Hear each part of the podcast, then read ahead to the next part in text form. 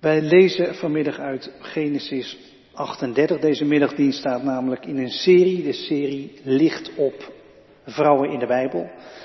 En in Genesis 38 gaat het over Tamar. Genesis 38. In diezelfde tijd verliet Juda zijn broers en sloot hij zich aan bij een zekere Gira, een man die in Adullam woonde. Daar viel zijn oog op de dochter van de Canaaniet Sua. Hij trouwde haar en sliep met haar. Ze werd zwanger en bracht een zoon ter wereld die Er werd genoemd. Daarna werd ze opnieuw zwanger en kreeg weer een zoon, aan wie ze de naam Onan gaf. Een derde zoon noemde ze Sela. Toen Sela geboren werd, bevond Juda zich in Kezib. Voor Er, zijn oudste zoon, koos Juda een vrouw die Tamar heette. Er was slecht in de ogen van de Heer en daarom liet de Heer hem sterven. Toen zei Juda tegen Onan, vervul je zwagerplicht. Trouw met de vrouw van je broer en verwek voor je broer nakomelingen bij haar.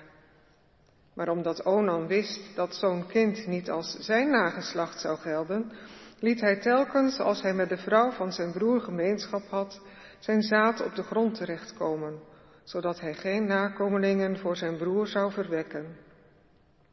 Wat hij deed was slecht in de ogen van de Heer, en daarom liet de Heer ook hem sterven. Toen zei Juda tegen zijn schoondochter Tamar, nu je opnieuw weduwe bent, moet je maar weer bij je vader gaan wonen, totdat mijn zoon Sela volwassen is. Hij dacht namelijk, ik moet voorkomen dat hij ook sterft, net als zijn broers. En Tamar ging weer bij haar vader wonen.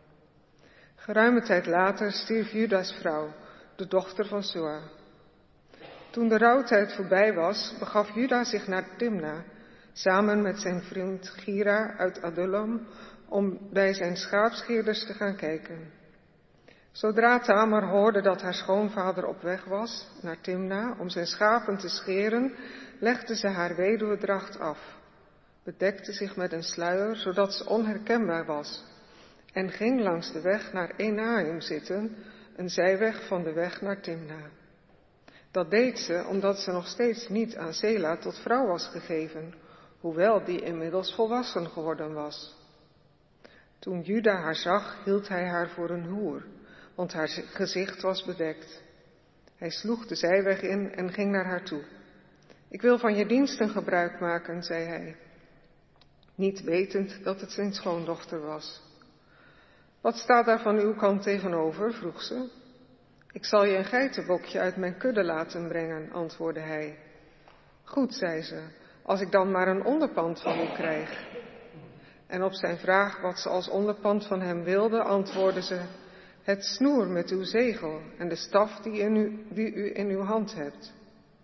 Hij gaf het haar en had gemeenschap met haar, en zij werd zwanger van hem.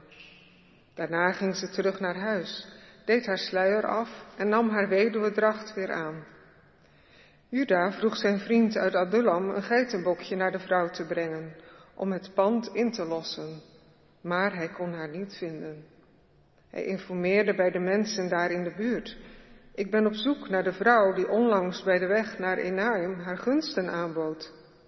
Zo'n vrouw is hier niet geweest, antwoordden ze. Dus ging hij naar Juda terug. Ik heb haar niet kunnen vinden, zei hij. Sterker nog, de mensen daar beweren dat er nooit zo'n vrouw is geweest.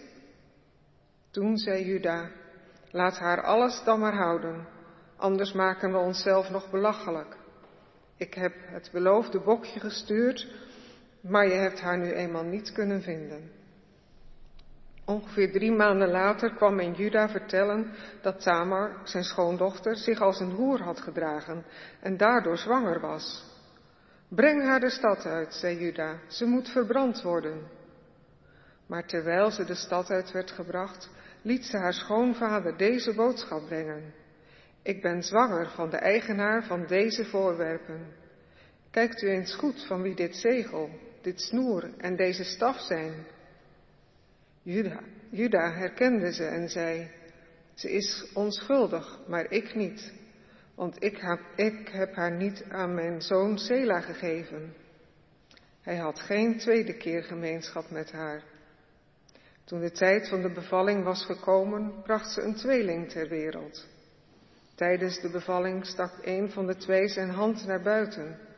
De vroedvrouw bond een rode draad om zijn hand, ten teken dat hij zich het eerst had laten zien. Maar hij trok zijn hand weer terug en daar kwam zijn broer tevoorschijn. Wat een baanbreker ben jij, zei ze. Hij kreeg de naam Peres. Daarna kwam zijn broer met om zijn hand de rode draad. Hij werd Zerach genoemd. Dit is het woord van God. Gemeente van Jezus Christus, broeders en zusters. Ik vraag me af, uh, kenden jullie deze geschiedenis? Ja, knikt iemand? Uh, deze stond niet in je kinderbijbel volgens mij. Uh, niet in die van mij in elk geval. Een bizar verhaal over iemand die met zijn schoondochter naar bed gaat zonder dat hij het doorheeft. Een verhaal waar je ook ontzettend boos van kan worden. Wat een gesol met zo'n vrouw. Alsof, alsof, alsof ze een eigendom is, hè? een ding. Maar goed, voor we ons direct al opwinden, moeten we misschien eerst eens rustig deze geschiedenis binnenstappen. En proberen te achterhalen waar dit over gaat, wat hier aan de hand is, wat hier speelt. Ik zei al, het is een, een dienst in een serie. We hebben een serie waarin allemaal vrouwen uit de Bijbel de revue passeren. En het zijn ook diensten waarin wel wat gespit mag worden, dus dat ga ik ook doen. Um, het gaat vanmiddag over Tamar dus. In de Bijbel komen drie Tamars voor. Uh, dan weten jullie dat ook gelijk eventjes. Uh, koning David, die had een dochter, Tamar, een zus van Absalom. En die Absalom, de zoon van David, die had zelf ook weer een dochter, die Tamar heette. Die was vast naar haar tante vernoemd dan. Maar over die Tamars gaat het niet. Het gaat dus over de Tamar waar we over gelezen hebben. De schoondochter van Juda, een van de zonen van aartsvader Jacob. Tamar. Het betekent, die naam, die Hebreeuwse naam betekent palmboom, dadelpalm. En in de Bijbel wordt die dadelpalm gebruikt als een beeld van goede vruchten, in Psalm 92. Maar ook als een beeld van gracieusheid, in Hooglied 7. Een mooie naam. Een naam die deze vrouw ook terecht draagt. Zo blijkt aan het einde van deze geschiedenis. Als zij het verhaal binnenstapt, zal ze een heel jonge vrouw zijn geweest. Een tiener. Juda, de zoon van Jacob, de zoon van Isaac, de zoon van Abraham, hij laat haar met zijn jongste zoon, met, sorry, met zijn oudste zoon trouwen. En die oudste zoon die heet Er. Die jongen sterft vroeg, jong. En dan laat Juda Tamar met zijn tweede zoon trouwen, zoals de traditie en de wet dat vereisen. Onan heet hij. Ook die sterft jong. En Juda heeft nog een zoon. Volgens de wet en de traditie is hij dus verplicht om ook deze zoon te laten huwen met Tamar. Maar dat doet u niet. Ze zijn wel verloofd, maar Juda denkt bij zichzelf, dit gaat niet goed. Deze vrouw, het is een paria, ze is een gevaar. Als je met haar trouwt, ga je dood. En ik wil niet nog een zoon verliezen. Dus hij zegt, ga maar terug naar het huis van je vader. Ja, dat is dus een oordeel, zou je kunnen zeggen. Hiermee raakt deze vrouw aan de zijkant van het leven terecht. Eh, ze zal nog steeds jong zijn geweest toen ze weer bij haar vader introk. Eh, best kans dat ze nog steeds niet eens twintig was. Heel jong, maar zonder perspectief. Want zij zit klem. Juridisch is ze verbonden aan de jongste zoon van Juda. Ze is verloofd, dus ze kan met niemand anders trouwen. Maar Juda is dus niet van plan om haar aan die zoon te geven. Dus haar leven was, was uitgeleefd, zou je kunnen zeggen. In, in, in het oude Midden-Oosten. Geen perspectief had zij. Daar, zij, zij, zij was weduwe zonder kinderen. Je moet even die, die Oud-Oosterse wereld eh, voor je halen. Kijk, in zo'n cultuur heeft een weduwe niet veel kansen om te leven. Een weduwe zonder kinderen heeft geen toekomstvoorziening als ze oud wordt. Niemand die voor haar opkomt. Um, niemand die haar naam voort laat leven. Geen toekomst. Een, een, een, een vastgelopen leven. Dus dan ben je nog niet eens twintig. En dan word je door je schoonvader dus uitgerangeerd. Zit je thuis bij je vader, je kunt geen kant op. En zolang die vader leefde, had ze in elk geval onderdak. Als die vader zou sterven, ja, dan wist ze helemaal niet wat er zou gebeuren natuurlijk. Dan was ze overgeleverd aan uh, de dorpsgenoten. En of die bereid waren om voor haar te zorgen, geen idee. Of ze moest gaan bedelen. Of uh, prostituee worden om zo aan, aan, aan onderhoud te komen. Dus deze Tamar is, is, een, is een vrouw die groot onrecht wordt aangedaan. Heel groot onrecht. Zij is iemand die een redder nodig heeft. Iemand die, die opstaat en die zegt, nou is het klaar, hier gaat recht gesproken worden, hier gaat recht gedaan worden. Deze vrouw verdient een toekomst, verdient een leven. Maar er is dus niemand die optreedt als redder. Ook God niet. Tenminste, als je zo kijkt, dan, dan lijkt dat niet zo te zijn. God speelt geen expliciete rol in, in de redding die er uiteindelijk komt. God komt wel voor in deze geschiedenis, maar hij komt alleen ter sprake doordat de verteller de vroegtijdige dood van de eerste twee echtgenoten van Tamar eh, op Gods naam schrijft. De verteller zegt dat het slechte mannen waren en dat God hen liet sterven als straf. Bij die eerste echtgenoot met de naam Er wordt niet verteld waarom hij slecht was. Bij die tweede zoon van Juda, Onan, eh, daar wordt het wel verteld. Eh, bij die Onan spelen eigenlijk twee dingen die niet goed zijn in Gods ogen.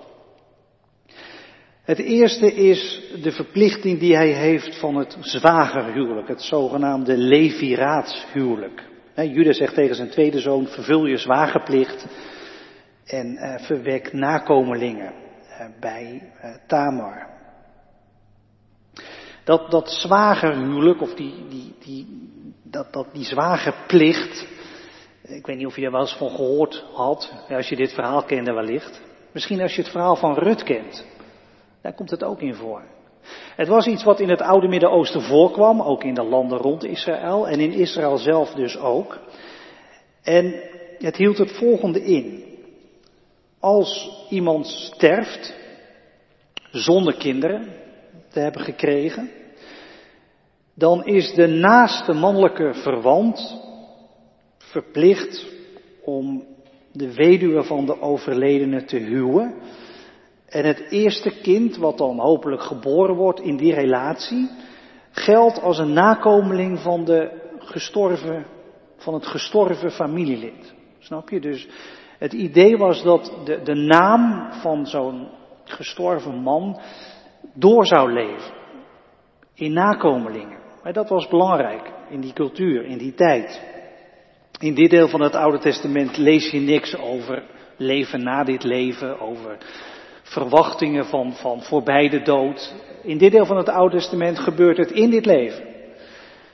En, en de enige manier om, om te overleven, zeg maar, voor te leven, is via je nakomelingen. Je naam moet niet uitsterven in Israël. Zo wordt dat genoemd.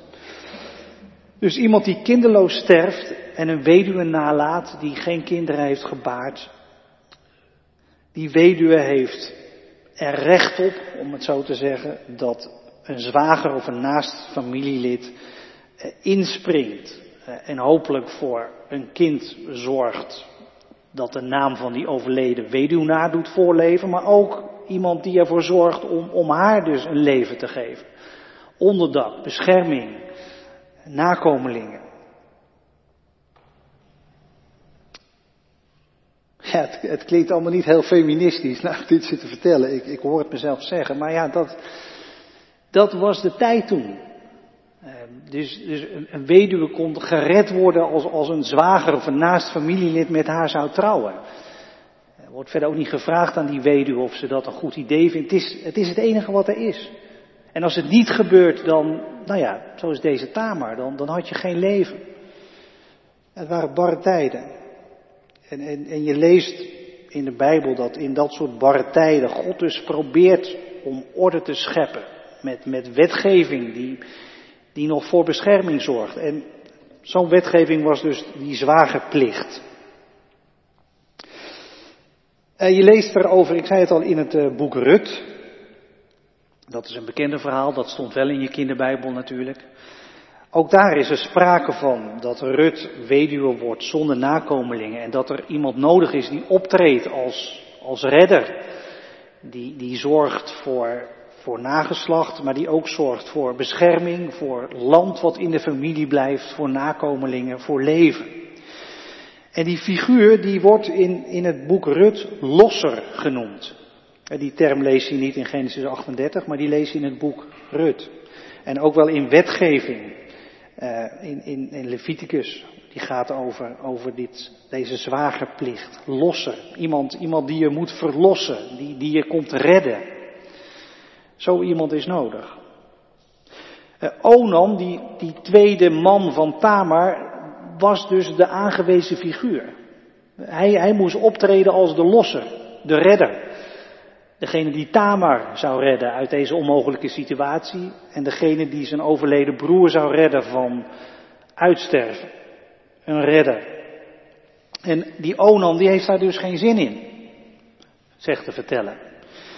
Telkens als hij met haar het bed deelt, dan praktiseert Onan coitus interruptus, om het eens even deftig te zeggen.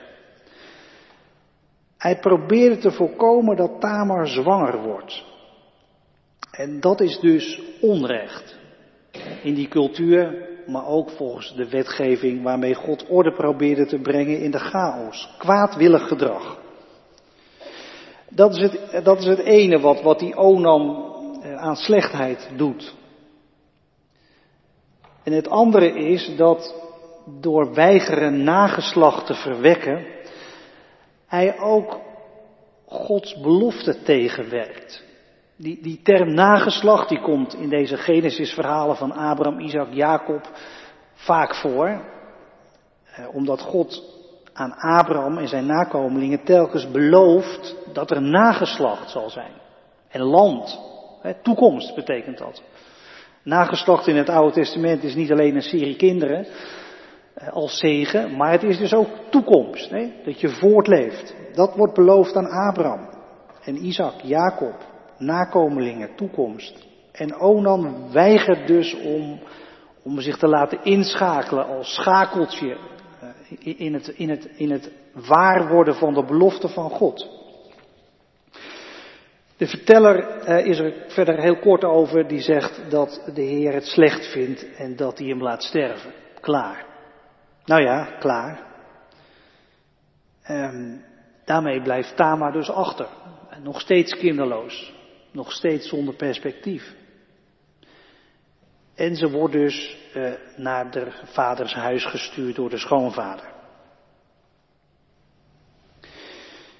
Ja, Tamar.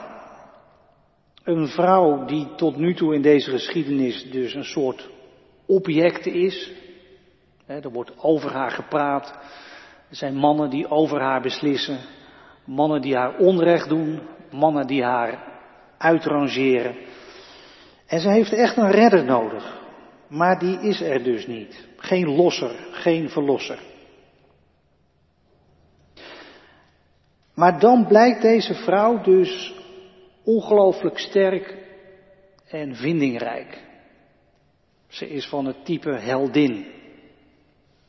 Ze neemt initiatief. Ze, ze bedenkt een valstrik voor haar schoonvader, die zelf inmiddels weduwnaar is geworden en die verblind door zijn seksuele begeerte daar gewoon met volle vaart instapt. En wel een vreemde valstrik. Ik bedoel, ja, Als ik Tamar was, ja, ik ben al geen vrouw natuurlijk, maar stel dat ik een vrouw was en dat ik Tamar was. Of ik nou dit zou bedenken. Het is iets wat in die cultuur ook schandalig is om te doen. Met je schoonvader naar bed. Maar dit is dus wat zij bedenkt. Misschien is ook het enige wat er te bedenken viel. Geen idee.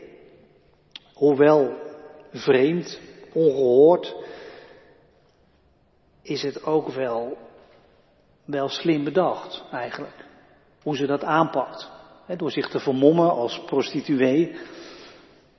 En dan die schoonvader die, die naar het schaapscherersfeest is. daar werd flink gedronken. Judas zal ook wel niet helemaal nuchter meer zijn geweest. Dat verklaart misschien ook wel waarom die zo makkelijk zijn zegelring afstaat en zijn staf. Want dat zit dus in de onderhandelingen. Hij wil van haar gunsten gebruik maken, zoals het zo fraai vertaald is in onze vertaling.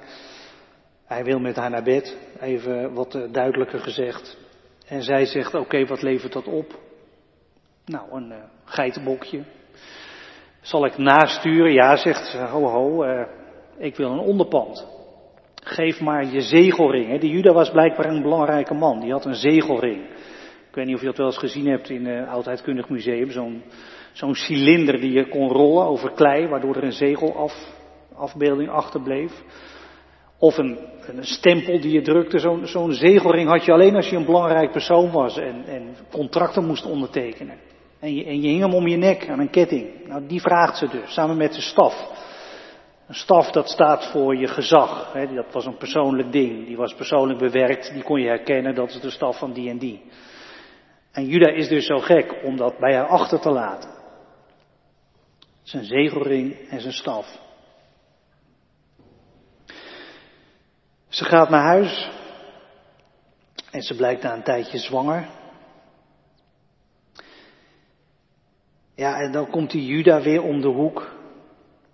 Als hij hoort dat ze zwanger is, dan, dan is de wereld te klein, want hij is vol morele verontwaardiging over wat Tamar had gedaan. Ze is vreemd gegaan, want ze is eigenlijk verloofd met zijn jongste zoon, die hij haar dus helemaal niet wilde geven, maar toch. De wereld is te klein en en hij stuurt haar een gruwelijke dood in. En laat hem maar verbranden. Ja, het is natuurlijk ten hemel schrijend hypocriet van die Juda. Echt gewoon vreselijk. Eerst liet hij de stikken en nu blaast hij hoog van de toren, terwijl hij nota bene zelf niet is teruggedeinst om met een prostituee naar bed te gaan. En zonder het te weten dus vader is van de kinderen waarvan zijn schoondochter zwanger is. Echt vreselijk hypocriet. Ja, dan komt de ontknoping van, van de hele geschiedenis en die is fantastisch natuurlijk. Tamer heeft Juda in haar web gevangen. En, en ze kan bewijzen dat hij zelf degene is van wie ze zwanger is. En dan, dan krijgt Juda eindelijk ook wat menselijke trekken. Dan blijkt hij toch ook wel aan zelfreflectie te doen. En doet publiekelijk schuldbekentenis. Hij zegt wat Tamar deed, dat is niet het grote onrecht, hoewel het natuurlijk helemaal niet goed was. Maar wie er echt fout zat, zegt hij, uh, dat ben ik. Ik ben niet rechtvaardig, zij wel.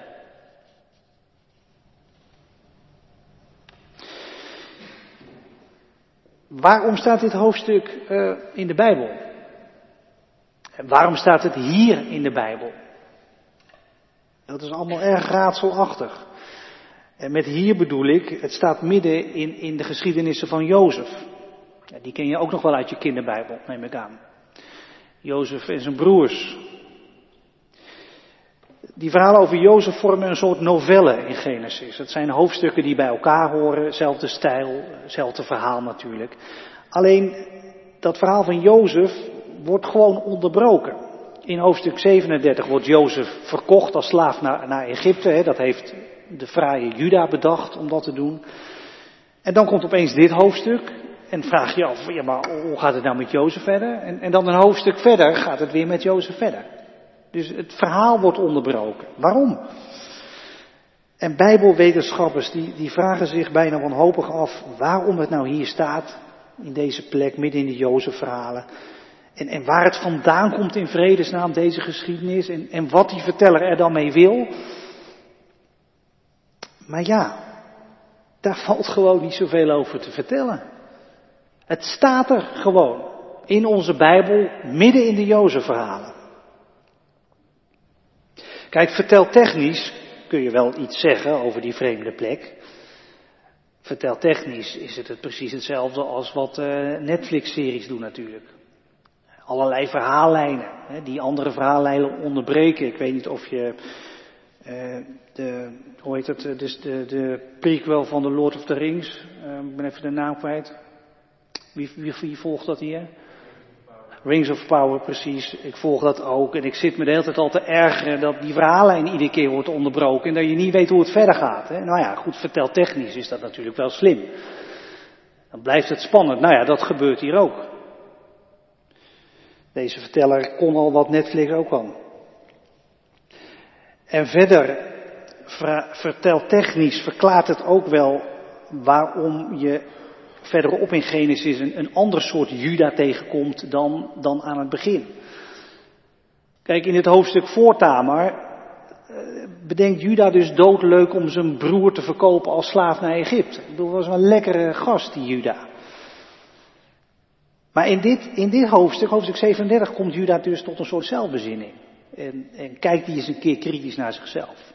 Verderop, in Genesis 44, nog steeds in die Jozefsgeschiedenissen, dan is Juda bereid om zijn eigen leven als borg te geven voor zijn jongste broer Benjamin. Dat is een hele andere Juda.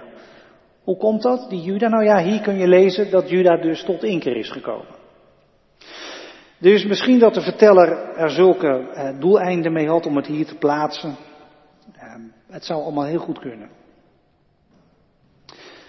Maar goed, eh, wij lezen dit verhaal als onderdeel van het woord van God. En, en voor ons is toch altijd de vraag, um, wat, wat is de boodschap voor vanmiddag?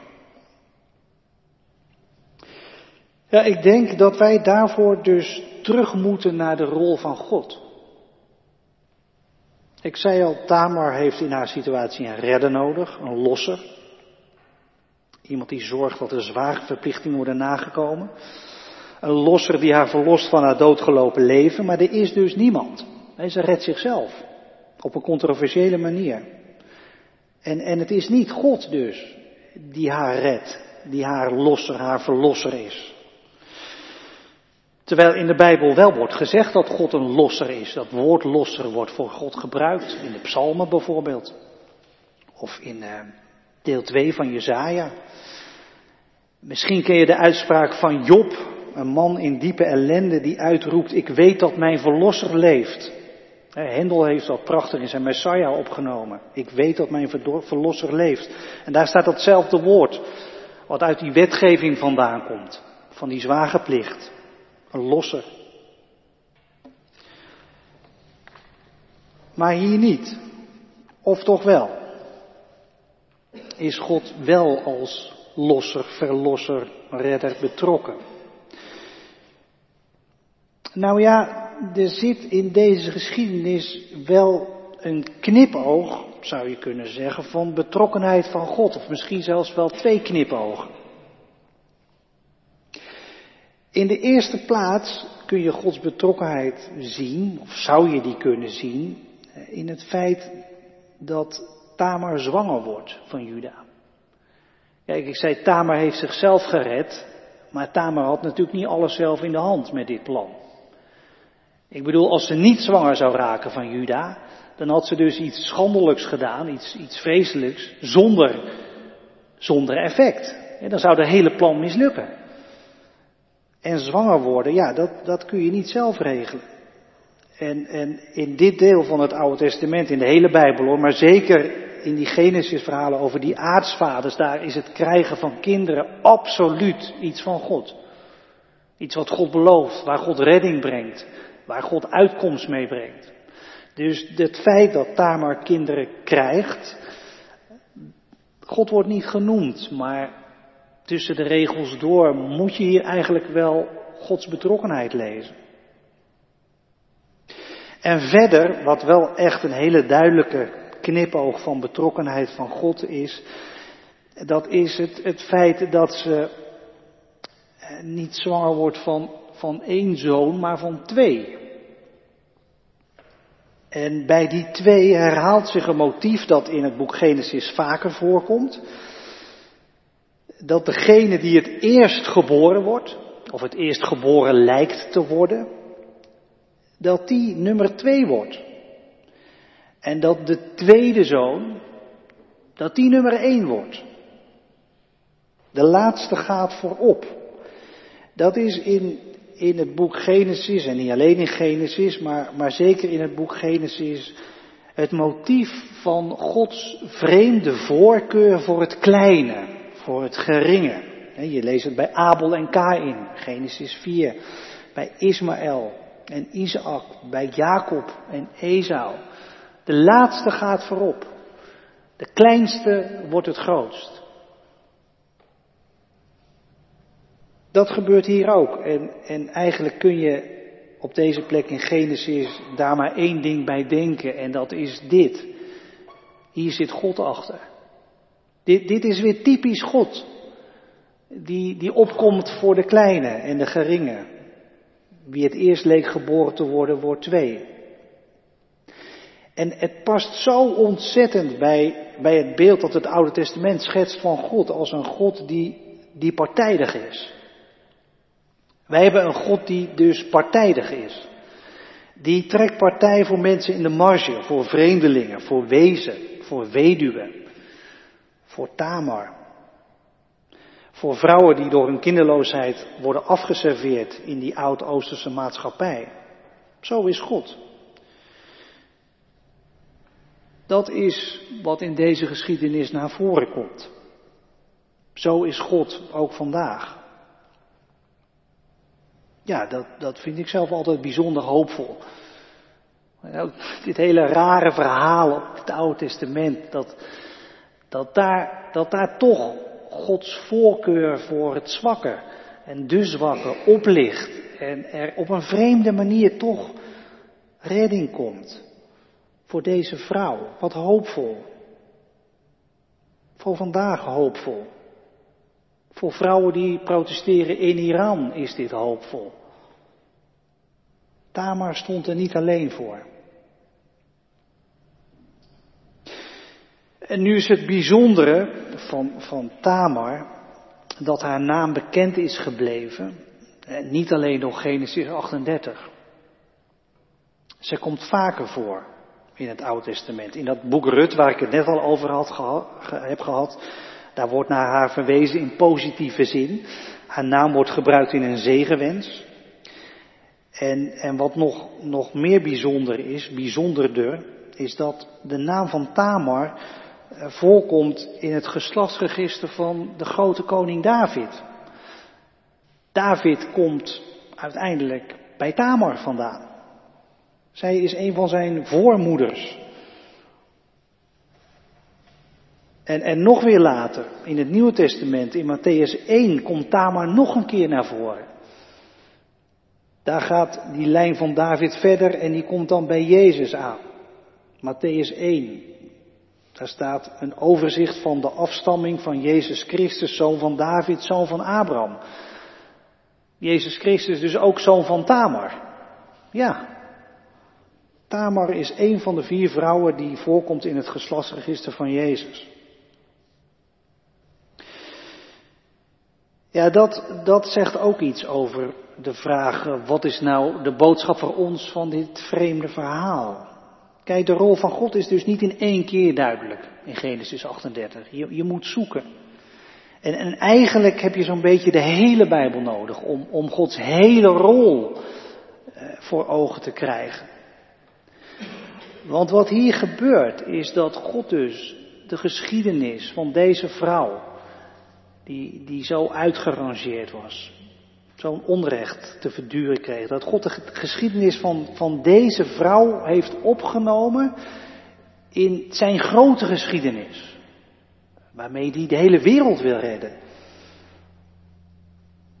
God komt als redder deze geschiedenis in en, en neemt dus alle breuken en gebrokenheid op, alle kwaad en slechtheid en buigt dat om naar iets goeds. Ja, dat is ook hoopvol. Dat is uniek. Als God zo is, Dat hij een mensengeschiedenis kan binnenkomen en kan ombuigen naar, naar iets goeds. Ja, dat doet God dus met de geschiedenis van Tamar. En daardoor krijgt haar levensgeschiedenis uiteindelijk dus een ongedachte wending richting de toekomst van God. Ja, en, en zo is God. God komt ook jou en mijn geschiedenis binnenstappen. Om die om te buigen met zijn redding richting zijn toekomst. Via die lange, lange lijn waarin Tamar een, onmis, een onmisbare schakel is, komt God dus in Jezus onze geschiedenis binnenstappen. Jouw geschiedenis, mijn geschiedenis, die onherroepelijk dood zal lopen, uitgerangeerd door de keuzes die wij zelf maken, maar ook biologisch gezien natuurlijk. Ons levensverhaal loopt dood als er geen redder is, geen verlosser. Jezus komt jou en mijn geschiedenis binnenstappen. Jouw en mijn levensverhaal met alle gebrokenheid die erin zit. Alle breuken die er zijn overkomen of aangedaan door mensen. Misschien herken je je nog wel een beetje in die Tamar van lang geleden. Heb je ook wel eens te maken gehad met schrijnend onrecht? Of heb je de ervaring opgedaan om, om uitgerangeerd te raken? Jezus komt jouw levensgeschiedenis binnen. Ook de breuken die, die jij en ik zelf hebben veroorzaakt. Hij komt ons redden van, van het web van, van falen en, en zonde en mislukkingen. Het web van je angsten. Het web van je minderwaardig voelen zonder erkenning. Het web van onrecht waar je in zit. Dat is uiteindelijk de boodschap van dit vreemde verhaal van vanmiddag. God komt in Jezus onze geschiedenis binnenstappen. En hij neemt onze geschiedenis op, jouw levensverhaal, en hij buigt het om in de richting van zijn toekomst. En, en hij laat heelheid groeien in je leven, langzaam maar zeker. Heelheid in onze gebrokenheid. Hij nam onze gebrokenheid op zich door zich te laten breken. Kijk zo meteen goed als, als ik het brood breek. Daarin is het in één klap duidelijk wie God is. En wat hij in Jezus voor jou betekent. Hij laat zich breken. zoals wij ook met de gebrokenheid te maken hebben in ons leven. En, en hij redt ons. De God van Tamar, dat is een God die redt. Hij komt in Jezus jouw leven binnen. Je bent gered. Amen.